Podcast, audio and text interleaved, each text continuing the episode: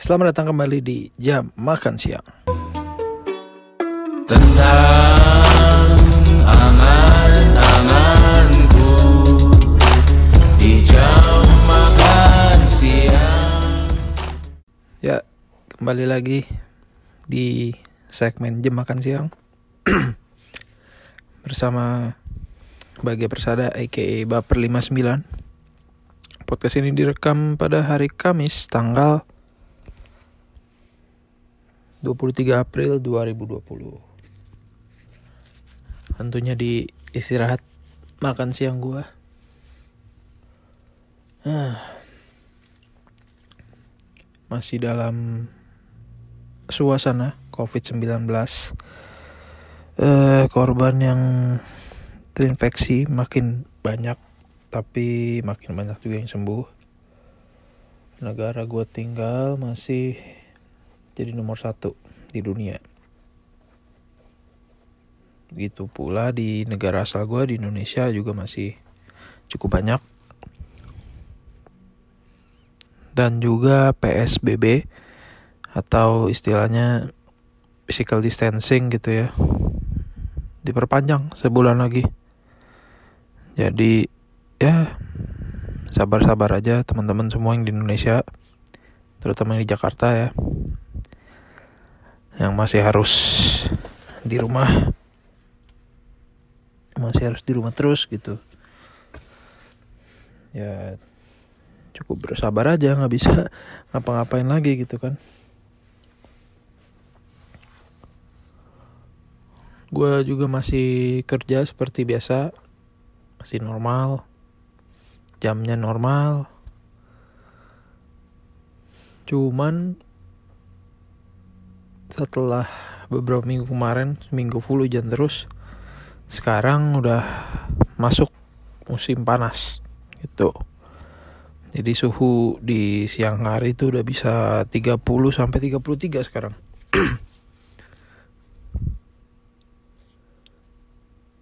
Which is lumayan bagus buat kondisi sekarang karena menurut teori gitu ya menurut para ahli virus itu uh, bakalan susah berkembang biak uh, bermutasi kalau misalnya di cuaca panas.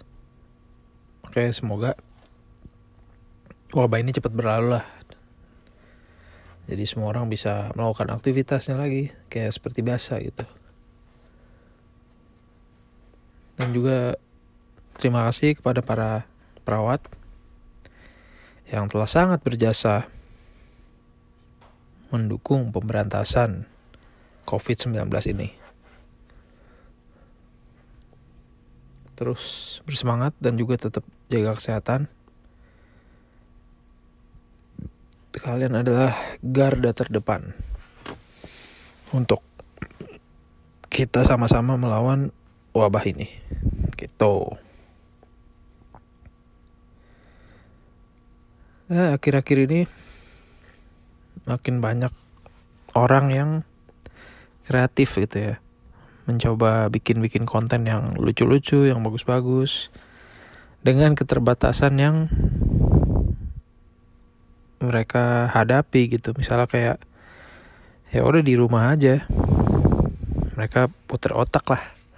Gimana caranya supaya tetap bisa produktif walaupun dari rumah? Hasilnya adalah para public figure ini bikin konten-konten yang mereka kerjakan di rumah. Kayak misalnya uh, live konser dari rumah atau misalnya ada talk show dari rumah stand up comedy dari rumah.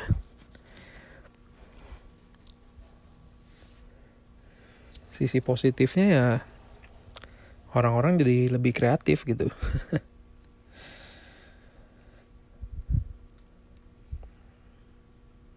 tapi yang bikin gue resah akhir-akhir ini itu kayak banyak bermunculan teori-teori konspirasi tentang COVID-19 ini.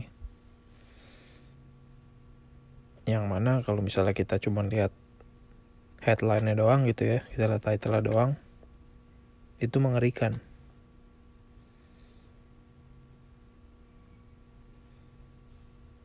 ya gimana nggak ngeri gitu kayak wabah ini disangkut-sangkutin sama misalnya hmm, elit global. Ini perbuatan oleh elit elit global. Ini adalah konspirasi. Jadi semua ini adalah bikinan dari orang-orang yang ingin mengontrol dunia gitu kan. Ya terserah aja gitu. Semua orang bebas berpendapat. Kayak misalnya sampai sekarang tuh masih ada yang namanya kaum bumi datar gitu kan. Kenapa mereka nggak ditangkap tangkepin ya buat apa gitu tangkap tangkepin mereka? Mereka tuh berhak mengutarakan pendapat mereka masing-masing. Makanya sampai sekarang masih ada aja. Begitupun yang percaya yang maniak gitu dengan teori-teori konspirasi untuk lu sekedar ngomongin atau lu sekedar suka itu nggak apa-apa. Jadi lu banyak bacaan. Nah, karena kan semakin lu banyak baca jadi lu bisa lu bisa pilih gitu. Lu mau ambil dari sisi yang mana gitu. Lu mau ambil dari literasi yang mana. Emang bener ya? Emang bener kan? Yang bahaya tuh misalnya yang bahaya itu orang yang cuma baca satu buku doang gitu loh. Karena dia cuma baca satu sumber doang. Dan dia ya udah dia nggak mau baca dari literasi yang lainnya. Karena dia udah percaya banget sama sumber itu. Itu kan gimana ya? Ya salah gitu. Lu tuh harus banyak-banyak baca biar wawasan lu semakin bertambah gitu. Makanya gue bilang lu nggak masalah kalau misalnya lu tuh suka atau lu mengamati teori-teori konspirasi. Tapi ya udah jangan lu telan mentah-mentah aja gitu informasi yang lu dapetin tentang konspirasi tersebut. Ya kan? Ketika lu telan mentah-mentah ya udah lu ke brainwash. Lu jadi buta gitu loh. Karena mereka karena lu udah berhasil dicuci otaknya jadi lu ya percaya-percaya aja. Ya, padahal kan belum tentu. Teori-teori yang ada di dalam konspirasi itu ya ada dua kemungkinan gitu kan. Bisa benar atau bisa enggak gitu. Ketika lu telan begitu aja lu telan mentah-mentah ya lu isinya itu doang itu nggak bagus. Apalagi apalagi di saat kondisi yang seperti ini. Anjing tau nggak? Orang lagi susah-susah orang lagi pada waspada gitu. Terus masih ada aja segelintir orang yang mengait-ngaitkan dengan teori konspirasi. Maksud gue lu boleh lu terserah. Tapi ya nggak usah lebay gitu di saat orang-orang itu lagi mencari gimana mereka cara melanjutkan hidup buat besok harinya lu malah sibuk nyebarin informasi yang belum tentu benar gitu. Ya menurut lu aja benar. Coba lu bayangin uh, masyarakat kita yang kurang beruntung gitu. Kayak misalnya dia ngandelin pekerjaan dari hari ke hari. Mereka sekarang udah nggak ada kerjaan nih nganggur nih buat makan besoknya aja tuh masih mikir mau, dari mana. Terus tiba-tiba ada beberapa orang masuk gitu memberikan informasi bahwa ini semua cuman teori konspirasi ini semua udah diatur sama petinggi-petinggi dunia. Ini semua adalah cara mereka untuk oh, mengurangi populasi manusia di bumi itu kan di mana ya? Mereka ini yang kurang beruntung. Mereka lagi berjuang gitu. Mereka lagi mikir gimana caranya mereka bisa ngelanjutin hidup. Terus tiba-tiba aja mereka dapat informasi kalau ini semua udah diatur. Gimana perasaannya gitu loh.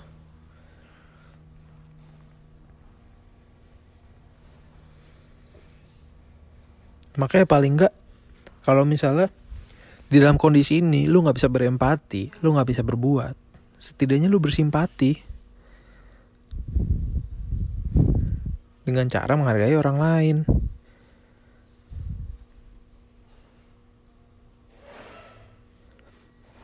Bukannya malah nyangkut pautin dengan teori konspirasi yang ujung-ujungnya itu bukannya simpati atau empati, ujung-ujungnya lu nakutin doang.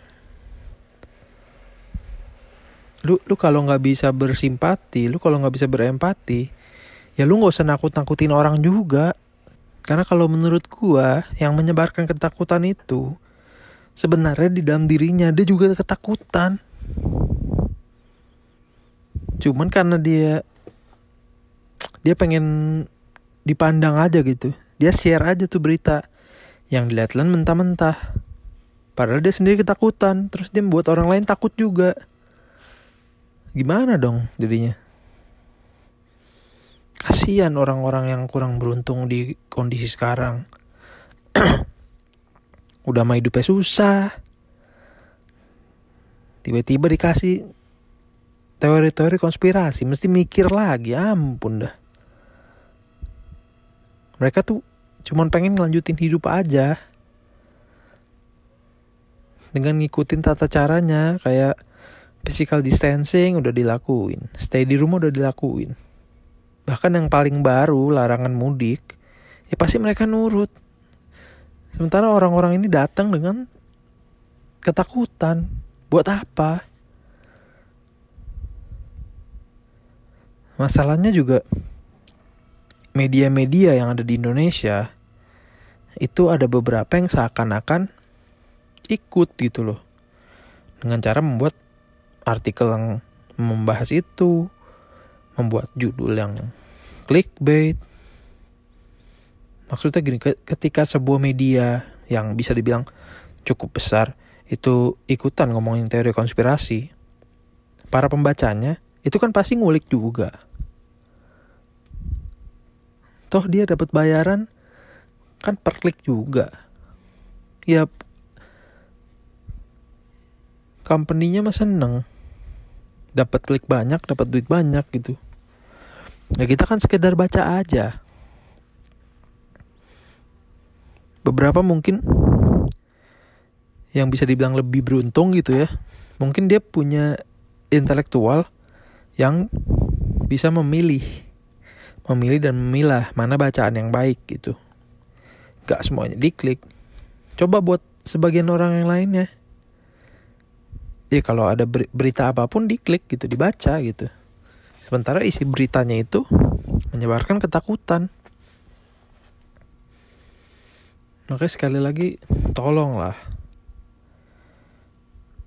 bagi para kaum-kaum pencinta maniak teori konspirasi gitu. Ntar dulu.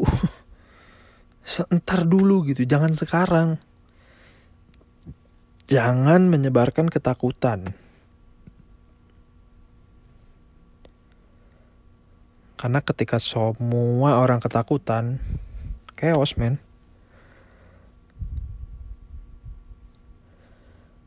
Karena balik lagi udah mau orang takut, lagi panik, lagi waspada, terus lu menyebarkan ketakutan lagi gitu. Bisa-bisa chaos men. Makanya jangan sampai kejadian seperti chaos lagi.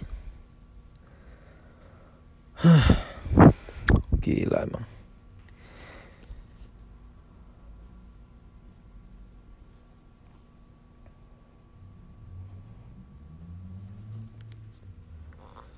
cobalah untuk bersipati dulu gitu.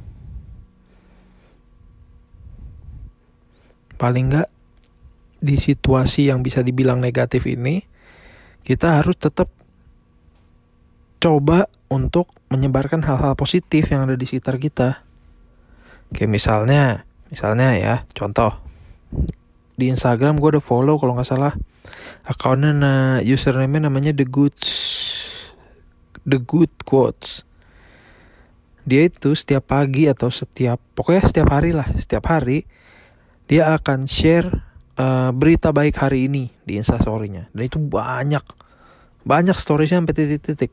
Tapi apa gue liatin? Satu-satu. Kadang kalau beritanya bisa relate atau gue pengen tahu gue baca full artikelnya. Gitu loh. Jadi kalau misalnya lu nggak bisa melakukan sesuatu ataupun lu nggak bisa bersimpati menghargai orang lain ya udah keep share the positive vibes. Jangan share yang nggak enak gak enak gitu. Lu udah tahu kondisi lagi nggak enak. Lu share lah berita-berita nggak enak. Kan jadi nggak masuk gitu. Baik. Please lah ya tolong bagi segelintir orang yang masih seperti itu please kondisi sekarang lagi bahaya. Jadi kalau bisa diem dulu aja.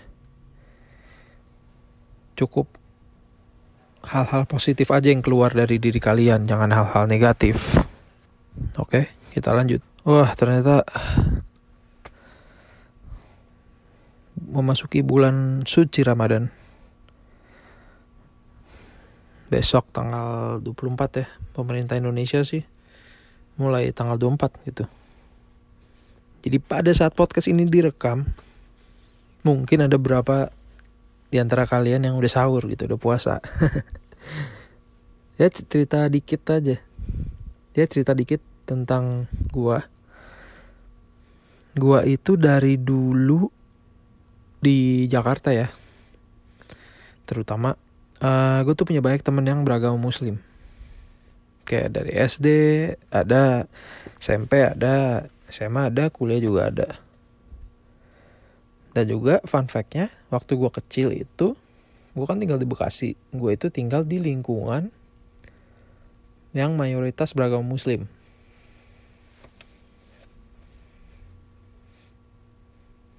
Dan nyantai gitu. Saling toleransi aja kayak waktu kerusuhan 98 gue umur 4 tahun pada saat itu gue nggak ingat persisnya gimana. Cuman bokap gue sering cerita bokap nyokap gue sering cerita.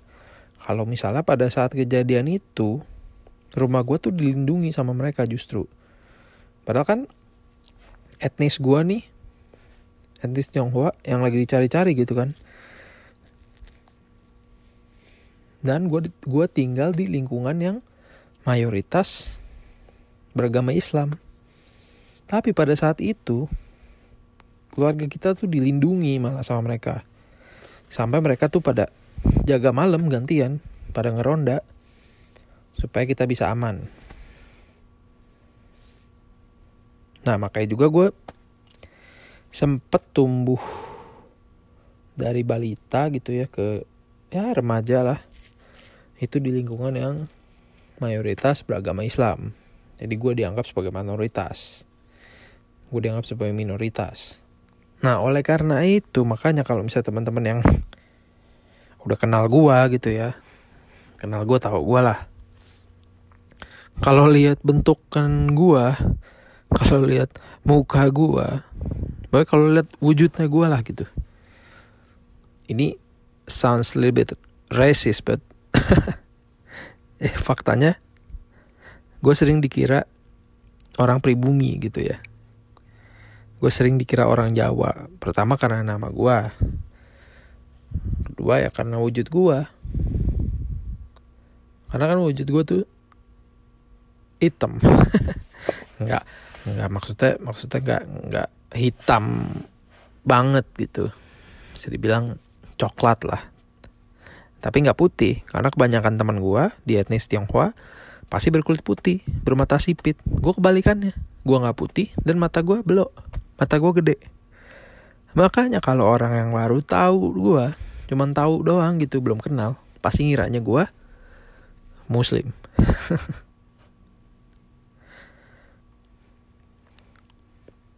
Bahkan sampai ada beberapa juga nggak percaya akhirnya ya gue tunjukin aja KTP gue gue Buddhis by the way. Jadi sekali lagi karena gue tem punya temen punya banyak temen yang muslim gitu ya. Jadi gue cukup dekat dengan bulan suci Ramadan. Karena apalagi dulu waktu kecil itu gue sering banget ikut buka puasa bersama gitu. Di tetangga di rumah tetangga tetangga jadi kayak gantian gitu lah nanti keluarga nanti keluarga ini ngadain buka puasa bersama. Nanti berapa hari kemudian gantian. Pokoknya setiap weekend kayaknya pasti ada deh. Terus semenjak beranjak dewasa gue tinggal di Kelapa Gading. Walaupun gue tinggal di tempat yang uh, gue jadi mayoritas itu kan di Kelapa Gading justru mayoritas orang Tionghoa pastinya dong tapi tetap aja banyak juga yang beragama muslim. Makanya kalau bulan puasa itu di depan komplek apartemen gue tuh suka banyak yang jualan. Banyak jualan makanan untuk berbuka puasa. Kayak kurma kolak biji salak terus kayak cemilan macam risol, pastel pisang goreng pokoknya makanan gitulah. Nah uniknya adalah yang jualan tuh inci-inci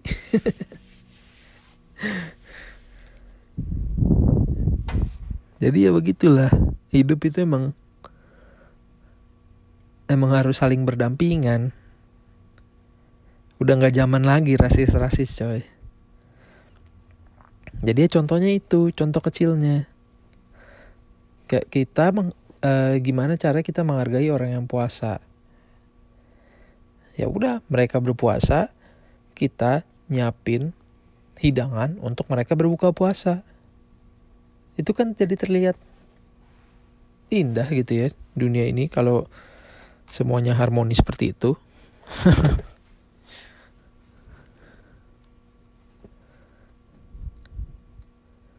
Dan walaupun gue nggak berpuasa karena ada yang jualan itu, jadi gue sering jajan juga ujung-ujungnya. Itu rame banget jam 5 jam, dari jam 4 itu udah buka. Dan itu udah rame banget. Ya saya malah sebelum azan maghrib gitu ya. Maksud gue detik-detik detik-detik mau azan maghrib itu mah udah buru habis. Paling sisa-sisanya doang. Jadi yang gue rindukan itu suasananya gitu. Suasana bulan puasa. Dan kayaknya tahun ini ya mungkin pasti rasanya akan sedikit berbeda ya bagi teman-teman yang berpuasa cuman ya nggak apa-apa sabar aja tetap menjalankan ibadah walaupun pasti rasanya berbeda. Jadi teman-teman untuk teman-teman gua, untuk kalian semua yang beragama Muslim, uh, selamat menjalankan ibadah puasa. Semoga puasanya lancar dan berkah bagi semuanya. Jadi lancar-lancar terus nanti sampai di hari raya meskipun kita sedang diberi cobaan ini, cuman ibadah harus tetap jalan dong ya. Oke. Okay? gitu aja. Jam makan siang kali ini. Sekali lagi, selamat berpuasa bagi teman-teman yang menjalankan. Buat yang masih menebar ketakutan, awas aja. Awas aja kalian. Yuk, semangat terus. Jangan lupa cuci tangan. Bye. Tentang